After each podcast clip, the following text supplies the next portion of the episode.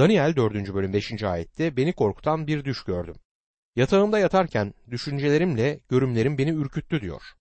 Her şey ben çevresinde dönmektedir Nebukadnezar için.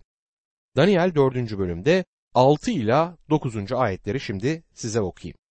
Düşün ne anlama geldiğini açıklamaları için Babil'in bütün bilgelerinin yanıma getirilmesini buyurdum. Sihirbazlar, yıldız bilimciler, falcılar yanıma gelince gördüğüm düşü onlara anlattımsa da ne anlama geldiğini açıklayamadılar. Sonunda ilahımın adından gelen Belteşassar adıyla çağrılan ve kendisinde kutsal ilahların ruhu bulunan Daniel yanıma geldi. Gördüğüm düşü ona anlattım. Ona şöyle dedim. Ey sihirbazların başkanı Belteşassar! Sende kutsal ilahların ruhu olduğunu, her gize açıklayabileceğini biliyorum. İşte gördüğüm düş, ne anlama geldiğini bana açıkla. Hikmetli adamlar yeniden çağrılmışlardı ancak rüyayı yorumlayamamışlardı. Rüyaları veren Tanrı'ydı. O nedenle yorumu da ancak o yapabilirdi. En sonunda da Daniel çağrılmıştı. Nebukadnezar, Daniel'in ruhla dolu birisi olduğunu ve yorumlama yeteneğini Tanrı'dan aldığını ifade eder. Nebukadnezar aldığı görümü anlatıp çok miktarda ben ve kişi zamiri kullanır. Sanıyorum ailesi onun ruhsal sorununu sakladı. O konuda fazla konuşmadılar ancak yakınları durumu biliyordu. Öyle inanıyorum ki günümüz psikiyatristleri bunu isteri olarak tanımlarlardı ki buna pek çok tıbbi ad verilir. Histeri duygu yüklü zihinsel hastalıklardan biridir ve psikolojik kökenlidir. Bebekken yere düşmüş olmak gibi bir durumla ilişkili değildir. Kendini uyurgezerlik ve unutkanlıkla gösterebilir ve de kalıtsal olduğu düşünülmektedir. Bir tarihçi dünyadaki birçok liderin de bu tür zihinsel hastalıklar taşıdığını söylemişti. Büyük İskender, Sezar ve Napolyon ayrıca İspanyol İngiliz kraliyet ailesinde ve Rus çarları arasında da bu türden hasta olanların olduğunu biliyoruz. İngiltere'de 6. Henry'de histeri benzeri bir hastalığa sahipti. Hitler'de de bu hastalık vardı. Burada ise hazineyi yöneten Nebukadnezar çılgın birisiydi. Dengesini yitirmişti. Tam bir yetkiyle yönetemiyordu. Bu onun aşırı duygusallığının da belirtisidir. Aşırı davranışlar sergileyebilmekteydi. Bu noktada bu bölümün anahtarını oluşturan 17. ayete bakmamızda fayda var. Hüküm koruyucu meleklerin fermanı ile bu yargıyı gözcüler kararı kutsallar verdi. Öyle ki her canlı yüce olanın insan kralları üzerinde egemenlik sürdüğünü ve onları dilediği kişiye en hor görülen birine bile vereceğini bilsin diyor bu ayette. İnsanların krallığı üzerinde yüce olan saltanat sürmektedir ve dilediği adama bu gücü verir. Bir başka deyişle Tanrı bize hak ettiğimiz ve istediğimiz yöneticileri vermektedir. Ruhsal dengesi yerinde olmayan birçok yönetici gelip geçmiştir. Tanrı değersiz görülen kişileri kral koltuğuna oturtmaktadır. Nebukadnezar'dan bu yana 2500 yıllık tarih bu gerçeği ortaya koyar. Daniel 4. bölüm 10 ila 16. ayetler arasında ise yatarken gördüğüm görümler şunlar. Dünyanın ortasında çok yüksek bir ağaç gördüm. Ağaç büyüdü, güçlendi. Boyu göklere erişti. Dünyanın dört bucağından görülüyordu. Yaprakları güzeldi. Herkese yetecek kadar bol meyvesi vardı. Yabanıl hayvanlar gölgesinde barınıyor, gökte uçan kuşlar dallarına tünüyordu. Her canlı ondan besleniyordu. Yatağımda yatarken gördüğüm görümlerde gökten inen bir gözcü, kutsal bir varlık gördüm. Yüksek sesle ağacı ve dallarını kesin, yapraklarını yolun, meyvesini atın diye bağırdı. Altında barınan hayvanlarla dallarına tüneyen kuşlar kaçsın. Ama köklerin bulunduğu kütüğü demirle, tunçla çevreleyip yerde otların içinde bırakın. Göğün çiğiyle ıslansın, hayvanlarla birlikte yerdeki otlardan pay alsın. Ondaki insan yüreği değiştirilsin, yerine hayvan yüreği verilsin. Üzerinden yedi vakit geçsin diyor bu ayetlerde. Evet bu aynı ayetlerde Nebukadnezar'ın rüyasındaki dalları göklere erişen ve yeryüzünü dolduran bir ağaçtan söz edilir. Ağaç devamlı yeşil kalan ve yaprakları güzel olan bir ağaçtır. Meyve vermekteydi ve meyvesi herkes tarafından yeniliyordu. Hayvanlar gölgesinde oturuyor, kuşlar da dallarına konuyordu bu ağacın. Kutsal kitapta ağaç birçok şeyi temsil edebilir. Bir insanı temsil edebilir. Birinci mezmur 3. ayette böylesi akarsu kıyılarına dikilmiş ağaca benzer. Meyvesini mevsiminde verir, yaprağı hiç solmaz, yaptığı her işi başarır der. Ayrıca Yeremya 17. bölüm 8. ayet ve Yeşaya 56. bölüm 3. ayette aynı şekilde ağaç insanla temsil edilir. bir ulusu temsil edebilir. Hezekiel 31. bölüm 3 ila 14. ayetlerde Matta 24. bölüm 32. ayette ve 33. ayette bir ulusu temsil ettiğini görüyoruz. Matta 13. bölüm 31 ve 32. ayetlerde ise hardal ağacı bugünkü Hristiyanlığı temsil eder. Zeytin ağacı İsrail'i ve diğer ulusları temsil etmektedir. Romalılar 11. bölüm 16 ila 24. ayetler arasındaki ağaç ise özellikle Nebukadnezar'ı ve Babil krallığını temsil etmektedir. Kral ve krallık birbirinden ayrılmaz. Koruyucu ile mukaddes bir melek Tanrı'nın yaratmış olduklarındandır. Koruyucular bu dünyanın işleriyle görevli kutsal varlıklardır. Daniel kitabı Tanrı'nın içinde yaşadığımız bu dünya ve evrendeki işleri düzenlemek için bazı varlıkları yaratmış olduğunu açıkça ortaya koymaktadır. Onların da üstleri ve yöneticileri vardır. Buna karşı olarak şeytanın da kendi güçleri ve çeşitli ulusların özel olanlarından sorumlu varlıkları vardır. Bunların bazılarını bu kitapta göreceğiz. Bu koruyucular her şeyi görür, duyar ve anlatırlar. Birçok imanlı Tanrı görmeden bazı şeyleri yapabileceğini düşünmektedir. Özel yaşamımızın tadını çıkartmayı düşünüyoruz ama gerçekten özel yaşamımız yok.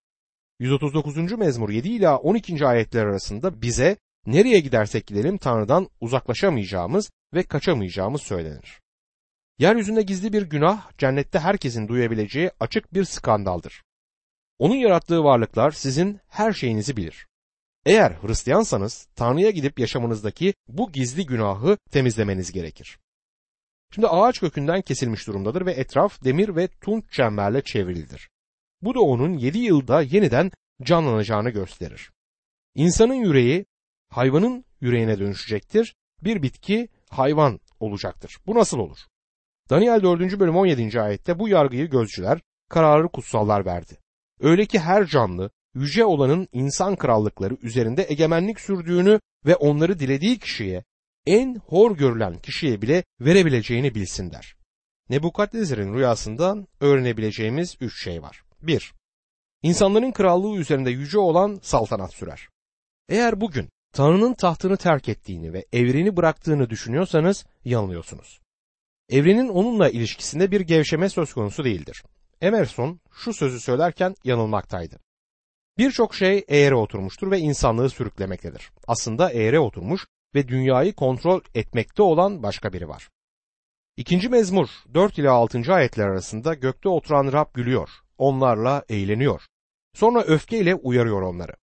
Gazabıyla dehşete düşüyor ve ben kralımı kutsal dağım Siyon'da oturttum diyor. Tanrı dünya için planladıklarını yapmakta olduğunu söyler. Belli bir nedenle kötü planlarını gerçekleştirmesi için şeytana izin vermektedir. Tanrı bugün kendi yarattığı varlıklara belli bir şeyi göstermektedir. Şeytan hakkında kutsal kitaba uymayan birçok şey söyleniyor. Tanrı'nın dünyadaki krallıkları yönetmekte olduğu anlaşılsın diye uluslar doğmakta ve yıkılıp gitmektedir. Eğer bir ulusun Tanrı için özel olduğunu sanıyorsanız yanılıyorsunuz. Bence sorumlu olan uluslar yargılanmış ve mezara gönderilmiş durumdadır. Hristiyan kökenli uluslardaki bozulma onları Tanrı yargısına götürecektir. İnsanların krallıklarını yöneten odur. İkinci nokta ise dilediği adama onu verir noktasıdır. Belki de siz o ya da bu partinin insanları başa çıkardıklarını düşünüyorsunuz. Onlar da öyle düşünüyorlar ama krallıkları kendi arzusuna göre düzenleyen Tanrı'dır. Bu düşünce bazılarına şunu delirtebilir. Tanrı'nın isteğiyle bu görevi yönetiyorum. Geçmişte birçok kral Tanrı'nın yerine yöneticilik yaptığını düşünmüştü. Bunlara kesinlikle inanmayın. Her birini başa geçiren Tanrı'dır. Elçi Paulus Romalılar 13. bölüm 1. ayette. Ne diyor bakın. Tanrı'dan olmayan yönetim yoktur. O halde niçin Tanrı bazı güçlerin dünyayı yönetmesine izin veriyor? Bunun yanıtını yine Tanrı kutsal kitapta, kutsal sözünde bizlere vermektedir. Üçüncü dikkatlice bakılması gereken nokta ise şudur. Tanrı yönetimi dilediği kişiye en hor görülen birine bile verebilir. Bu ifade her bir partinin hangi siyasi görüşü olursa olsun herkesin alçak gönüllü olmasını sağlamalıdır. En iyi kişileri seçtiğiniz kanısındaysanız yanılıyorsunuz. İnsanlık tarihini okursanız bunu görebilirsiniz. İngiliz tarihini okuyunca onların atalarının epey kan döktüğünü görüyoruz. Onlar da bazı yöneticileri de çok kötüydü. Diğer ulusların tarihlerine de bakın. Kansız olan bir ulus tarihi görmek mümkün değil. Öyle inanıyorum ki Tanrı insanların en aşağısını onun üzerine dikmekte ve layık olduğumuz yöneticileri başımıza getirmektedir. İnsanlar hükümetten, kongreden ve birçok şeyden yakınabilirler. Onları seçip başa getirenler biziz. Tanrı en aşağı durumdaki kişilerin başa gelmesine izin veriyor. Bu hepimizin aklını başına toplamasını sağlamalıdır. Bir ülkede liderlerin gözüne girmeye çalışan birinin bu ayetten söz edeceğini düşünmek bile zordur. Bu oldukça şaşırtıcı bir ayettir. Tarih bu sözün doğruluğunu ortaya koyar. Hazinenin başındaki Nebukadnezar dengesiz olmakla birlikte dünyanın ilk krallığını kuracak kadar da zeki bir adamdı. Kim olduğunu bile bilmeyecek kadar aklını kaçırdığı zamanlar oldu. Daha önce de söylediğimiz gibi birçok dünya liderinin de buna benzer sorunları vardı. Daniel 4. bölüm 18. ayette işte ben kral Nebukadnezar'ın gördüğü düş. Şimdi ey Belteşassar bunun ne anlama geldiğini söyle. Çünkü krallığımdaki bilgelerin hiçbiri bu düşün ne anlama geldiğini bana açıklayamadı.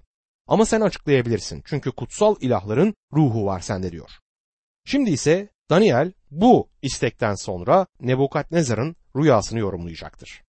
İlk olarak Daniel'in yorumladığı ağaç rüyasına bakalım. Daniel 4. bölüm 19. ayet. O zaman öbür adı Belteşassar olan Daniel bir süre şaşkın şaşkın durdu. Düşünceleri onu ürküttü. Bunun üzerine kral, ey Belteşassar, bu düşte yorumu da seni ürkütmesin dedi. Belteşassar, ey efendim, keşke bu düş senden nefret edenlerin yorumu da düşmanlarının başına gelseydi diye karşılık verdi diyor. Rüya Daniel'i sarsmıştır. Nebukadnezar Daniel'in arkadaşıydı. Daniel de başbakanıydı. İlk rüya Nebukadnezar'ı yüceltmişti ancak bu rüyada durum farklıydı. Kötü olan taraf Daniel'in bu rüyayı krala açıklamakta isteksiz olmasıdır. Daniel her şeyi Nebukadnezar'e anlatmasını gerektirecek düşüncelere karşı çıkar. Daniel bu rüyayı yorumlamakta kararsızdır. Rüyayı krala olduğu gibi yorumlaması gerekir. Buna benzer şekilde bir doktorun ölümcül bir hastalığa yakalanan hastasına gerçeği söyleyip söylememesi soruyu ortaya atılabilir.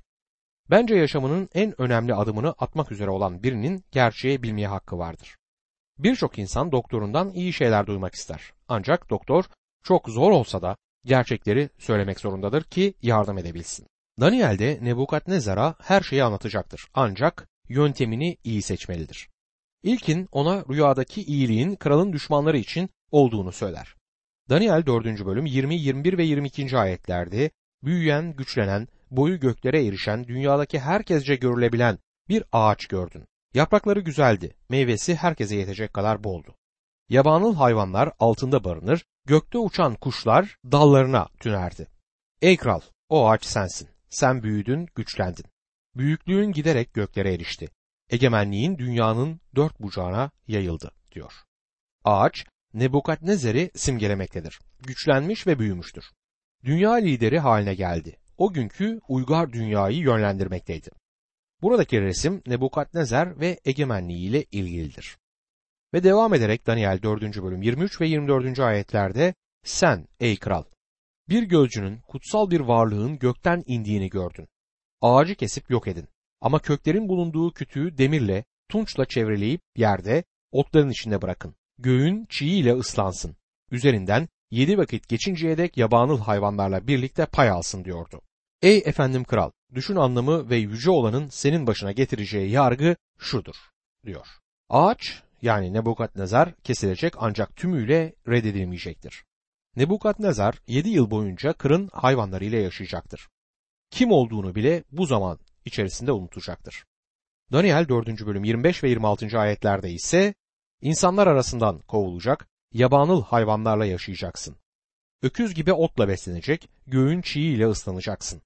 Yüce olanın insan krallıkları üzerinde egemenlik sürdüğünü ve krallığı dilediği kişiye verdiğini anlayıncaya dek yedi vakit geçecek. Köklerin bulunduğu kütüğün bırakılması için buyruk verildi. Bunun anlamı şu, sen göklerin egemenlik sürdüğünü anlayınca krallığın sana geri verilecek. Daniel Nebukadnezar'a bu rüyanın verilme nedenini ve onun bu deneyimden geçme sebebini açıklar. Nebukadnezar fazla gururlanıp insanların altın heykele tapmalarını istemişti. Bu adamın kibirli olduğunu biliyoruz ve Tanrı onu yeniden alçak gönüllü yapacaktı. Sarayından kovulacak, öküzlerle birlikte kırlarda yaşayacak ve geçmişte nasıl biri olduğunu bile unutacaktı. Ancak Tanrı bunun yanında Nebukadnezar'ı ruh hastalığından da koruyacaktı. Nebukadnezar'ın sorunu büyük olasılıkla histeriydi. gösterdiği bazı belirtiler buna uyar. Belirtilerden birisi manik depresif bozukluk diye bilinen hastalıktır. Sık görülen duygulardaki dalgalanma olarak ifade edilebilir. Bu tür hastalar bir an neşeli ve arkadaş canlısı olurlarken hemen ardından somurtkan ve geçimsiz bir ruh haline girebilirler. Duygular bir aşağı bir yukarı gidip gelir. Bu sorun bir dereceli pek çok kişide mevcut. Hepimiz bir an üzülüp sonra neşelenen kişilerle karşılaşırız. Ancak bu Nebukadnezar için önemli bir sorundu. Onun beyninde herhangi bir hasarın olduğunu düşünmüyorum. Bu işlevsel bir sorundu. Nebukadnezar'ın histerisi unutkanlığı da içermekteydi. Bu tür hastalar bir süre için kim olduklarını bile unutabilirler. Akıl hastanelerinde kendini Napolyon zanneden pek çok kişi var. Hislerinin diğer bir özelliği aşırı bencillik ve gururdur. Bu Nebukadnezar'da da bir saplantıya dönüşmüştü. Daniel 4. bölüm 30. ayete baktığımız zaman bunu görüyoruz. 4 ve 10. ayetler arasında nasıl hep ben ben diye söz ettiğini gördük. Gurur Tanrı'nın nefret ettiği bir özelliktir. Yaşlı Kaiser Augustus ele geçirdiği bir şehirle ilgili olarak şöyle diyor. Onu bulduğunda tuğlaydı, şimdi ise saman. Orayı tümüyle yıkmıştı. Başka bir Sezar da şöyle der. Roma'yı bulduğumda tahtadan yapılmıştı, şimdi ise mermer kaplı olarak bıraktım. Gördüğünüz gibi gurur insanın yakasını bırakmayan bir günah. Böyleyse insan ne ile övünebilir? Yeremye 9. bölüm 23 ve 24. ayetlerde Rab şöyle diyor. Bilge kişi bilgeliğiyle, güçlü kişi gücüyle, zengin kişi zenginliğiyle övünmesin. Dünyada iyilik yapanın, adaleti doğruluğu sağlayanın ben Rab olduğumu anlamakla ve beni tanımakla övünsün övünen. Çünkü ben bunlardan hoşlanırım diyor Rab. Tanrı'nın kurtarışı gururu dışlar. Bu kurtuluş için Mesih'e geldiğinizde sizde olması gereken bir özellik vardır ve Elçi Paulus 1. Korintiler 2. bölüm 2. ayette bu özelliği şöyle anlatıyor. Aranızdayken İsa Mesih'ten ve onun çarmıha gerilişinden başka hiçbir şey bilmemeye kararlıydım. Övünebileceğimiz hiçbir şey yok. Elçi başka bir yerde ise 1. Korintiler 4. bölüm 7. ayette ise şöyle diyor. Seni başkasından üstün kılan kim? Tanrı'dan almadığın neyin var ki? Madem aldın niçin almamış gibi övünüyorsun? Son olarak 2. Korintiler 10. bölüm 17. ayette şunu okuyoruz. Övünen Rab'le övünsün. Tanrı'nın nefret ettikleri arasında ilk sırada gurur gelir. Süleyman'ın özdeyişleri 6. bölüm 16 ila 19. ayetler arasında bunu görürüz. Rabbimiz İsa Mesih bize alçak gönüllülüğün en büyük örneğini sunmuştur. Filipeliler 2. bölüm 8. ayette insan biçimine bürünmüş olarak ölüme, çarmıh üzerinde ölüme bile boyun eğip kendini alçalttı der İsa Mesih ile ilgili. Son olarak hislerinin bir başka özelliği de dönem dönem gelmesidir. Nebukadnezar'da bu süre 7 yıldı. Daniel 4. bölüm 27. ayetti. Bu yüzden ey kral öğüdümü benimse. Doğru olanı yaparak günahından düşkünlere iyilik ederek suçlarından vazgeç. Olur ya gönencin uzun sürer diyor. Nebukadnezar'ın yüreğinde huzursuzluk vardı ve esenlik yoktu. O dünyaya barış getirmiştir. Bugün onun otoritesine karşı çıkacak kimse yoktur ve insanlar günah içerisinde yaşamaktadır. Daniel Nebukadnezar'a günahından tövbe etmesini söyler. Tanrı'ya ve doğru bir yaşama dönmesi gerekmektedir. Daniel yaklaşan yargıyı tersine döndürmesi için ona tövbeyi tavsiye ediyor. Hala kurtuluş umudu vardır. Nebukadnezar Tanrı'nın esenliğini ve sakinliğini tadabilirdi. Öyle inanıyorum ki bu Tanrı'nın Nebukadnezar'a son uyarısıydı. Bugünkü psikolojik ve duygusal bozuklukların çoğu ruhsal sorunlardan kaynaklanmaktadır.